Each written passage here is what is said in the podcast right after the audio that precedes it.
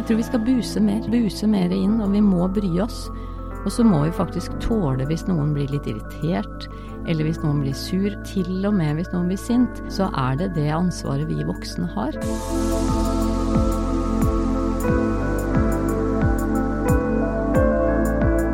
Fagbokpodden er laget i samarbeid med Gyldendal.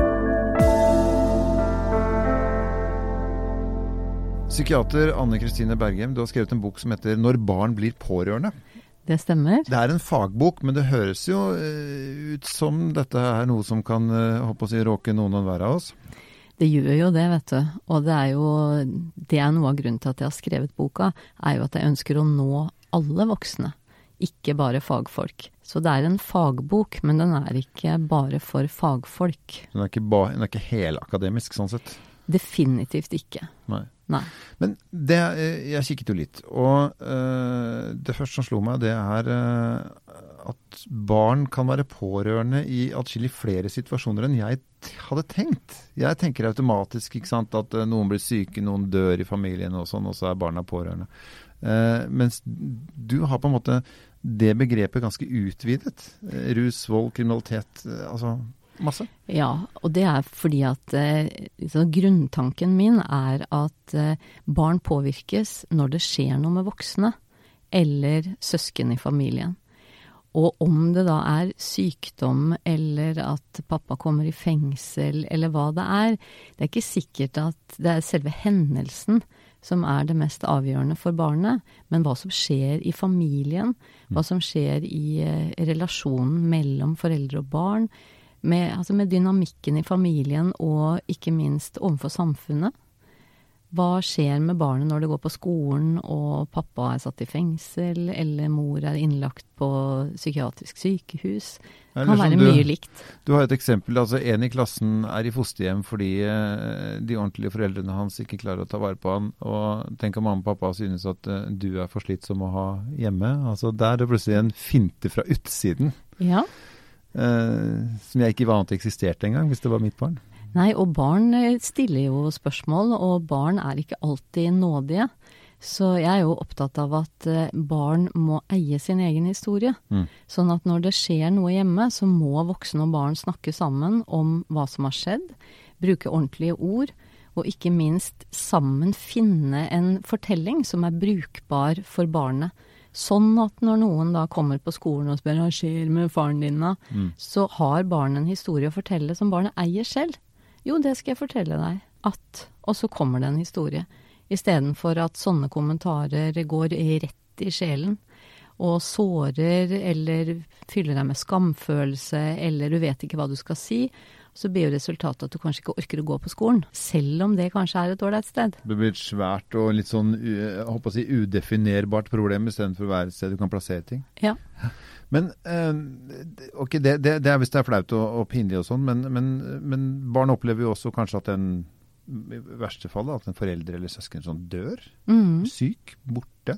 Ja. Og så vil kanskje noen si at ja, nei, nå skal minstemannen få lov å slippe å være med på dette, så vi sender han eller henne til bestemor på landet. Mm. Eh, Det syns du heller ikke er smart. Nei, og jeg kan jo godt forstå at det kan ligge en god intensjon bak. For det høres jo veldig sånn skjermende og Ja fint da. ut, da. For voksne har jo et ønske om å skåne barn. Ja. Det er bare at det er ikke mulig. Altså det er ikke mulig å skåne barn, fordi barn skjønner at det skjer noe. Ok, Så er du truffet av noe, så, så er du det. Så er du det. Ja. Og det som skjer når voksne ikke snakker med barna, det er at barna skjønner at dette tør ikke de voksne å snakke om, Mm. eller dette er for vanskelig for de voksne, så dette får jeg skåne dem for. Og så blir barnet gående med alle fantasiene, alle tankene, aleine. Mm. Kanskje med vonde følelser aleine. Og det ender opp med at det er barnet som skåner de voksne. Ved å på en måte ikke være til noe bryderi Ja. på et vis. For de vil ikke påføre foreldrene sine mer stress eller mer smerte. Og, og de skjønner fort at dette er vanskelig for de voksne. Men ok, som, for, som ansvarlig forelder, eh, Mm. hvordan skal jeg For nå Jeg har lyst til å bruke liksom det utvidede pårørendebegrepet. Ja. Altså, for det gjelder så mye, da. Mm. Eh, hvordan kan jeg forstå da, at ungen min er i en sånn situasjon? Jeg er jo kanskje midt oppi det selv òg, ikke sant? Ja, og det første jeg har lyst til å si da, det er at telepati er en veldig overvurdert kommunikasjonsform. Så det der å tro at du bare kan skjønne ting helt av deg selv, Mm. det tenker jeg vi kan legge litt til side. Man må faktisk spørre. Man må spørre barna. Og så Ja, må man være ærlig. ærlig. sitter og er kjempelei seg, ikke sant. Skilsmisse eksempel, et Ja. eller annet da. Og da må man faktisk ta ansvaret for sine egne følelser, og så må man si til barnet sitt at vet du, du har sikkert lagt merke til at jeg sitter mye og gråter i stua på kveldene. Og så kan jo barnet si ja eller nei. Eh, og så kan du si det er ikke sikkert du har lagt merke til det, men jeg tenkte at det kan jo hende at det høres, det er jo litt lytt her i huset vårt. Mm. Eh, og når jeg sitter og gråter om kvelden, så er det fordi at jeg syns det er forferdelig trist at pappa er død. Eller jeg syns det er veldig trist at pappa og jeg ikke skal fortsette å være gift sammen. Eh, og, og for det er trist. Og det kan hende du syns det er trist òg. Men det er derfor jeg gråter. Og det har ikke noe med deg å gjøre. Eh, og det er viktig for meg at du vet. Men det er normalt for voksne mennesker også å være lei seg når det skjer noe trist. Men det er jo ikke så lett å være så på topp av seg sjøl, har sagt. At man, øh, Nei, når, man, når, man, er den som sitter og gråter. er- Nei da, vet du, det er ikke lett i det hele tatt. Og det er jo annet derfor at jeg har eh, skrevet den boka. For hvis det hadde vært lett, og alle hadde gjort det, så hadde vi ikke trengt å gjøre noe med det.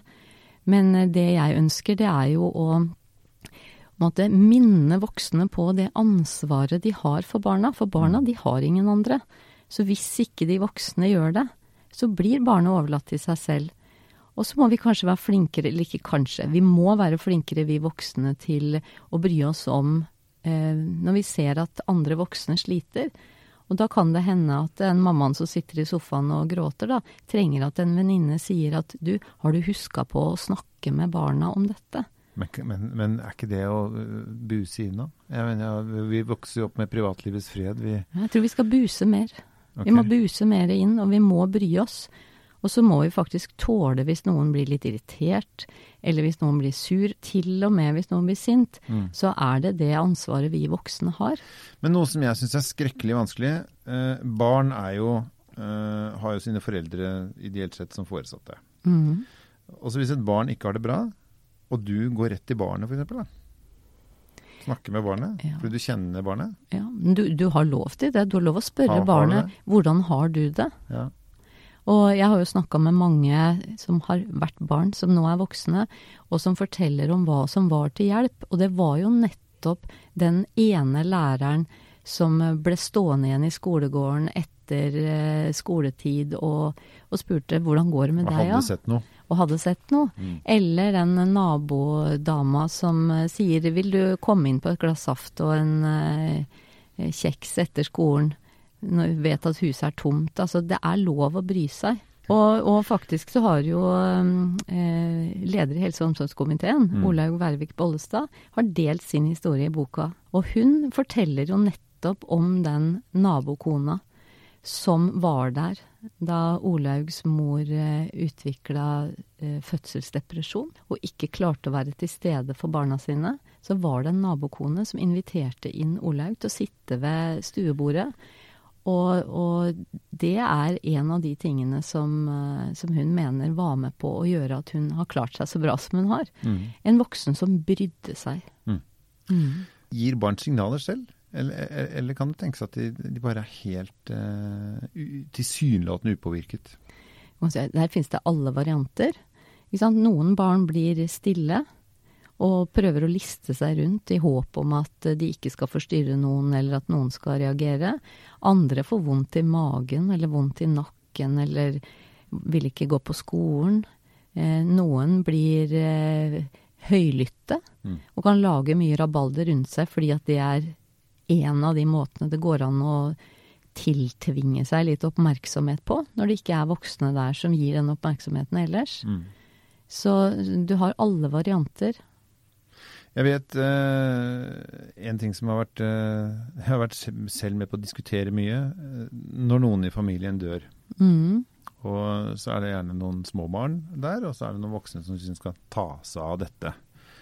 Og så kommer diskusjonen opp skal de minste få lov å se en død person. Ja. Det skal de. Er du sikker på det? Ja, det er jeg sikker på. Hvorfor skal de det? Eh, det viser seg det at det er veldig, altså det er veldig nyttig i sorgbearbeidelsen. Det å ha sett den som er død. Fordi barn lager seg veldig mye fantasier. Men det man selvfølgelig skal gjøre, det er å på forhånd fortelle barna hva de kommer til å se, mm. hvordan den døde ser ut, at den døde er kald i huden, at kanskje ansiktet ser litt annerledes ut, at det kanskje er litt kjølig der inne, at det kanskje er blomster og lys der inne, og at hendene er folda. Altså, man må beskrive jo yngre barna er, jo mm. mer konkret må man være. Og så må man være sammen med barnet der inne. Og så må man snakke om det etterpå. Hvordan var det? Var huden kald å ta på? Var det sånn som du trodde på forhånd? Var det noe som var annerledes? Er det noe du lurer på? Og så må man snakke helt sånn vanlig og si at når noen er død, da slutter hjertet å slå. Da vokser ikke håret lenger og skjegget lenger. Husker du bestefar som, som hadde så langt skjegg? Mm. Nå kommer ikke det til å vokse mer, for det slutter når man er død. Mm. At man forteller at blodet slutter å gå rundt i kroppen til de forskjellige organene. Altså, altså man, må, man må rett og slett fortelle litt konkret hva det vil si å dø, og hvordan det ser ut å være død.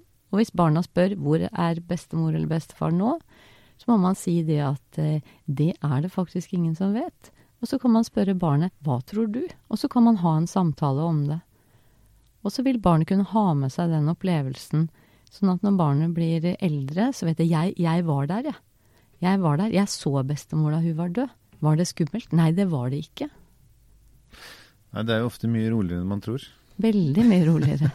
Mm. uh, du sa tidligere uh, noe med at barn må få lov å eie sin egen historie. Mm. Når vi snakker om det med å se døde mennesker eh, håper å si, delta i, i, i, det som skjer, da.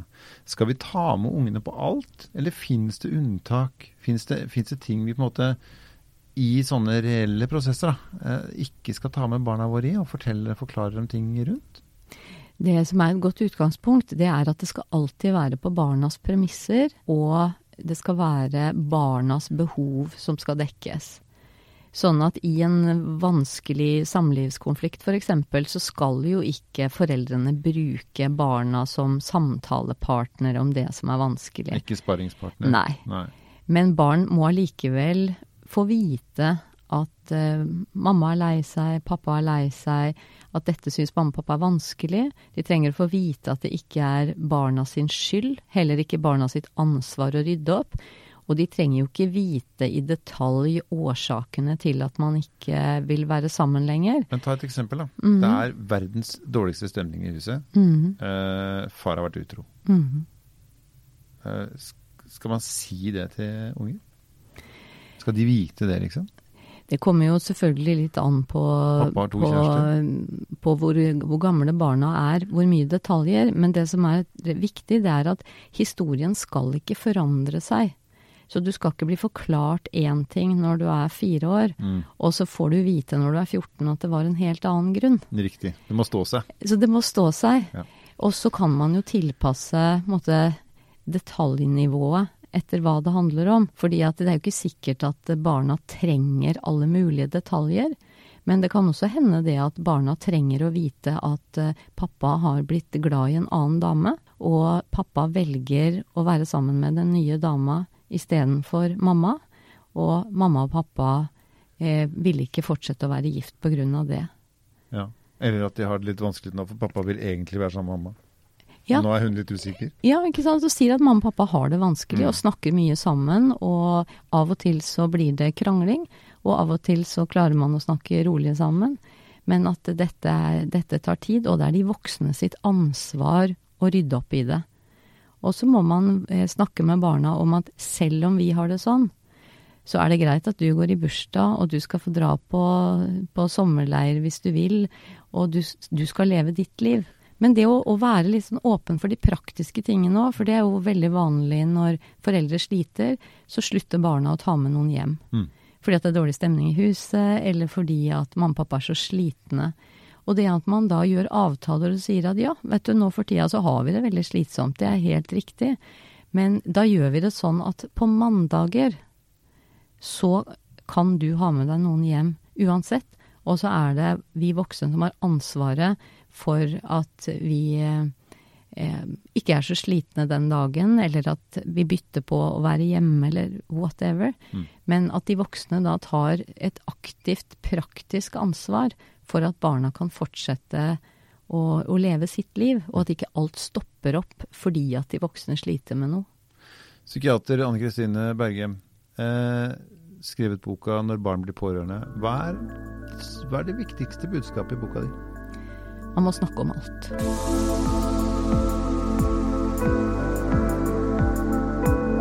Takk for at du lånte øre til Fagbokpodden, som er laget i samarbeid med Gyldendal.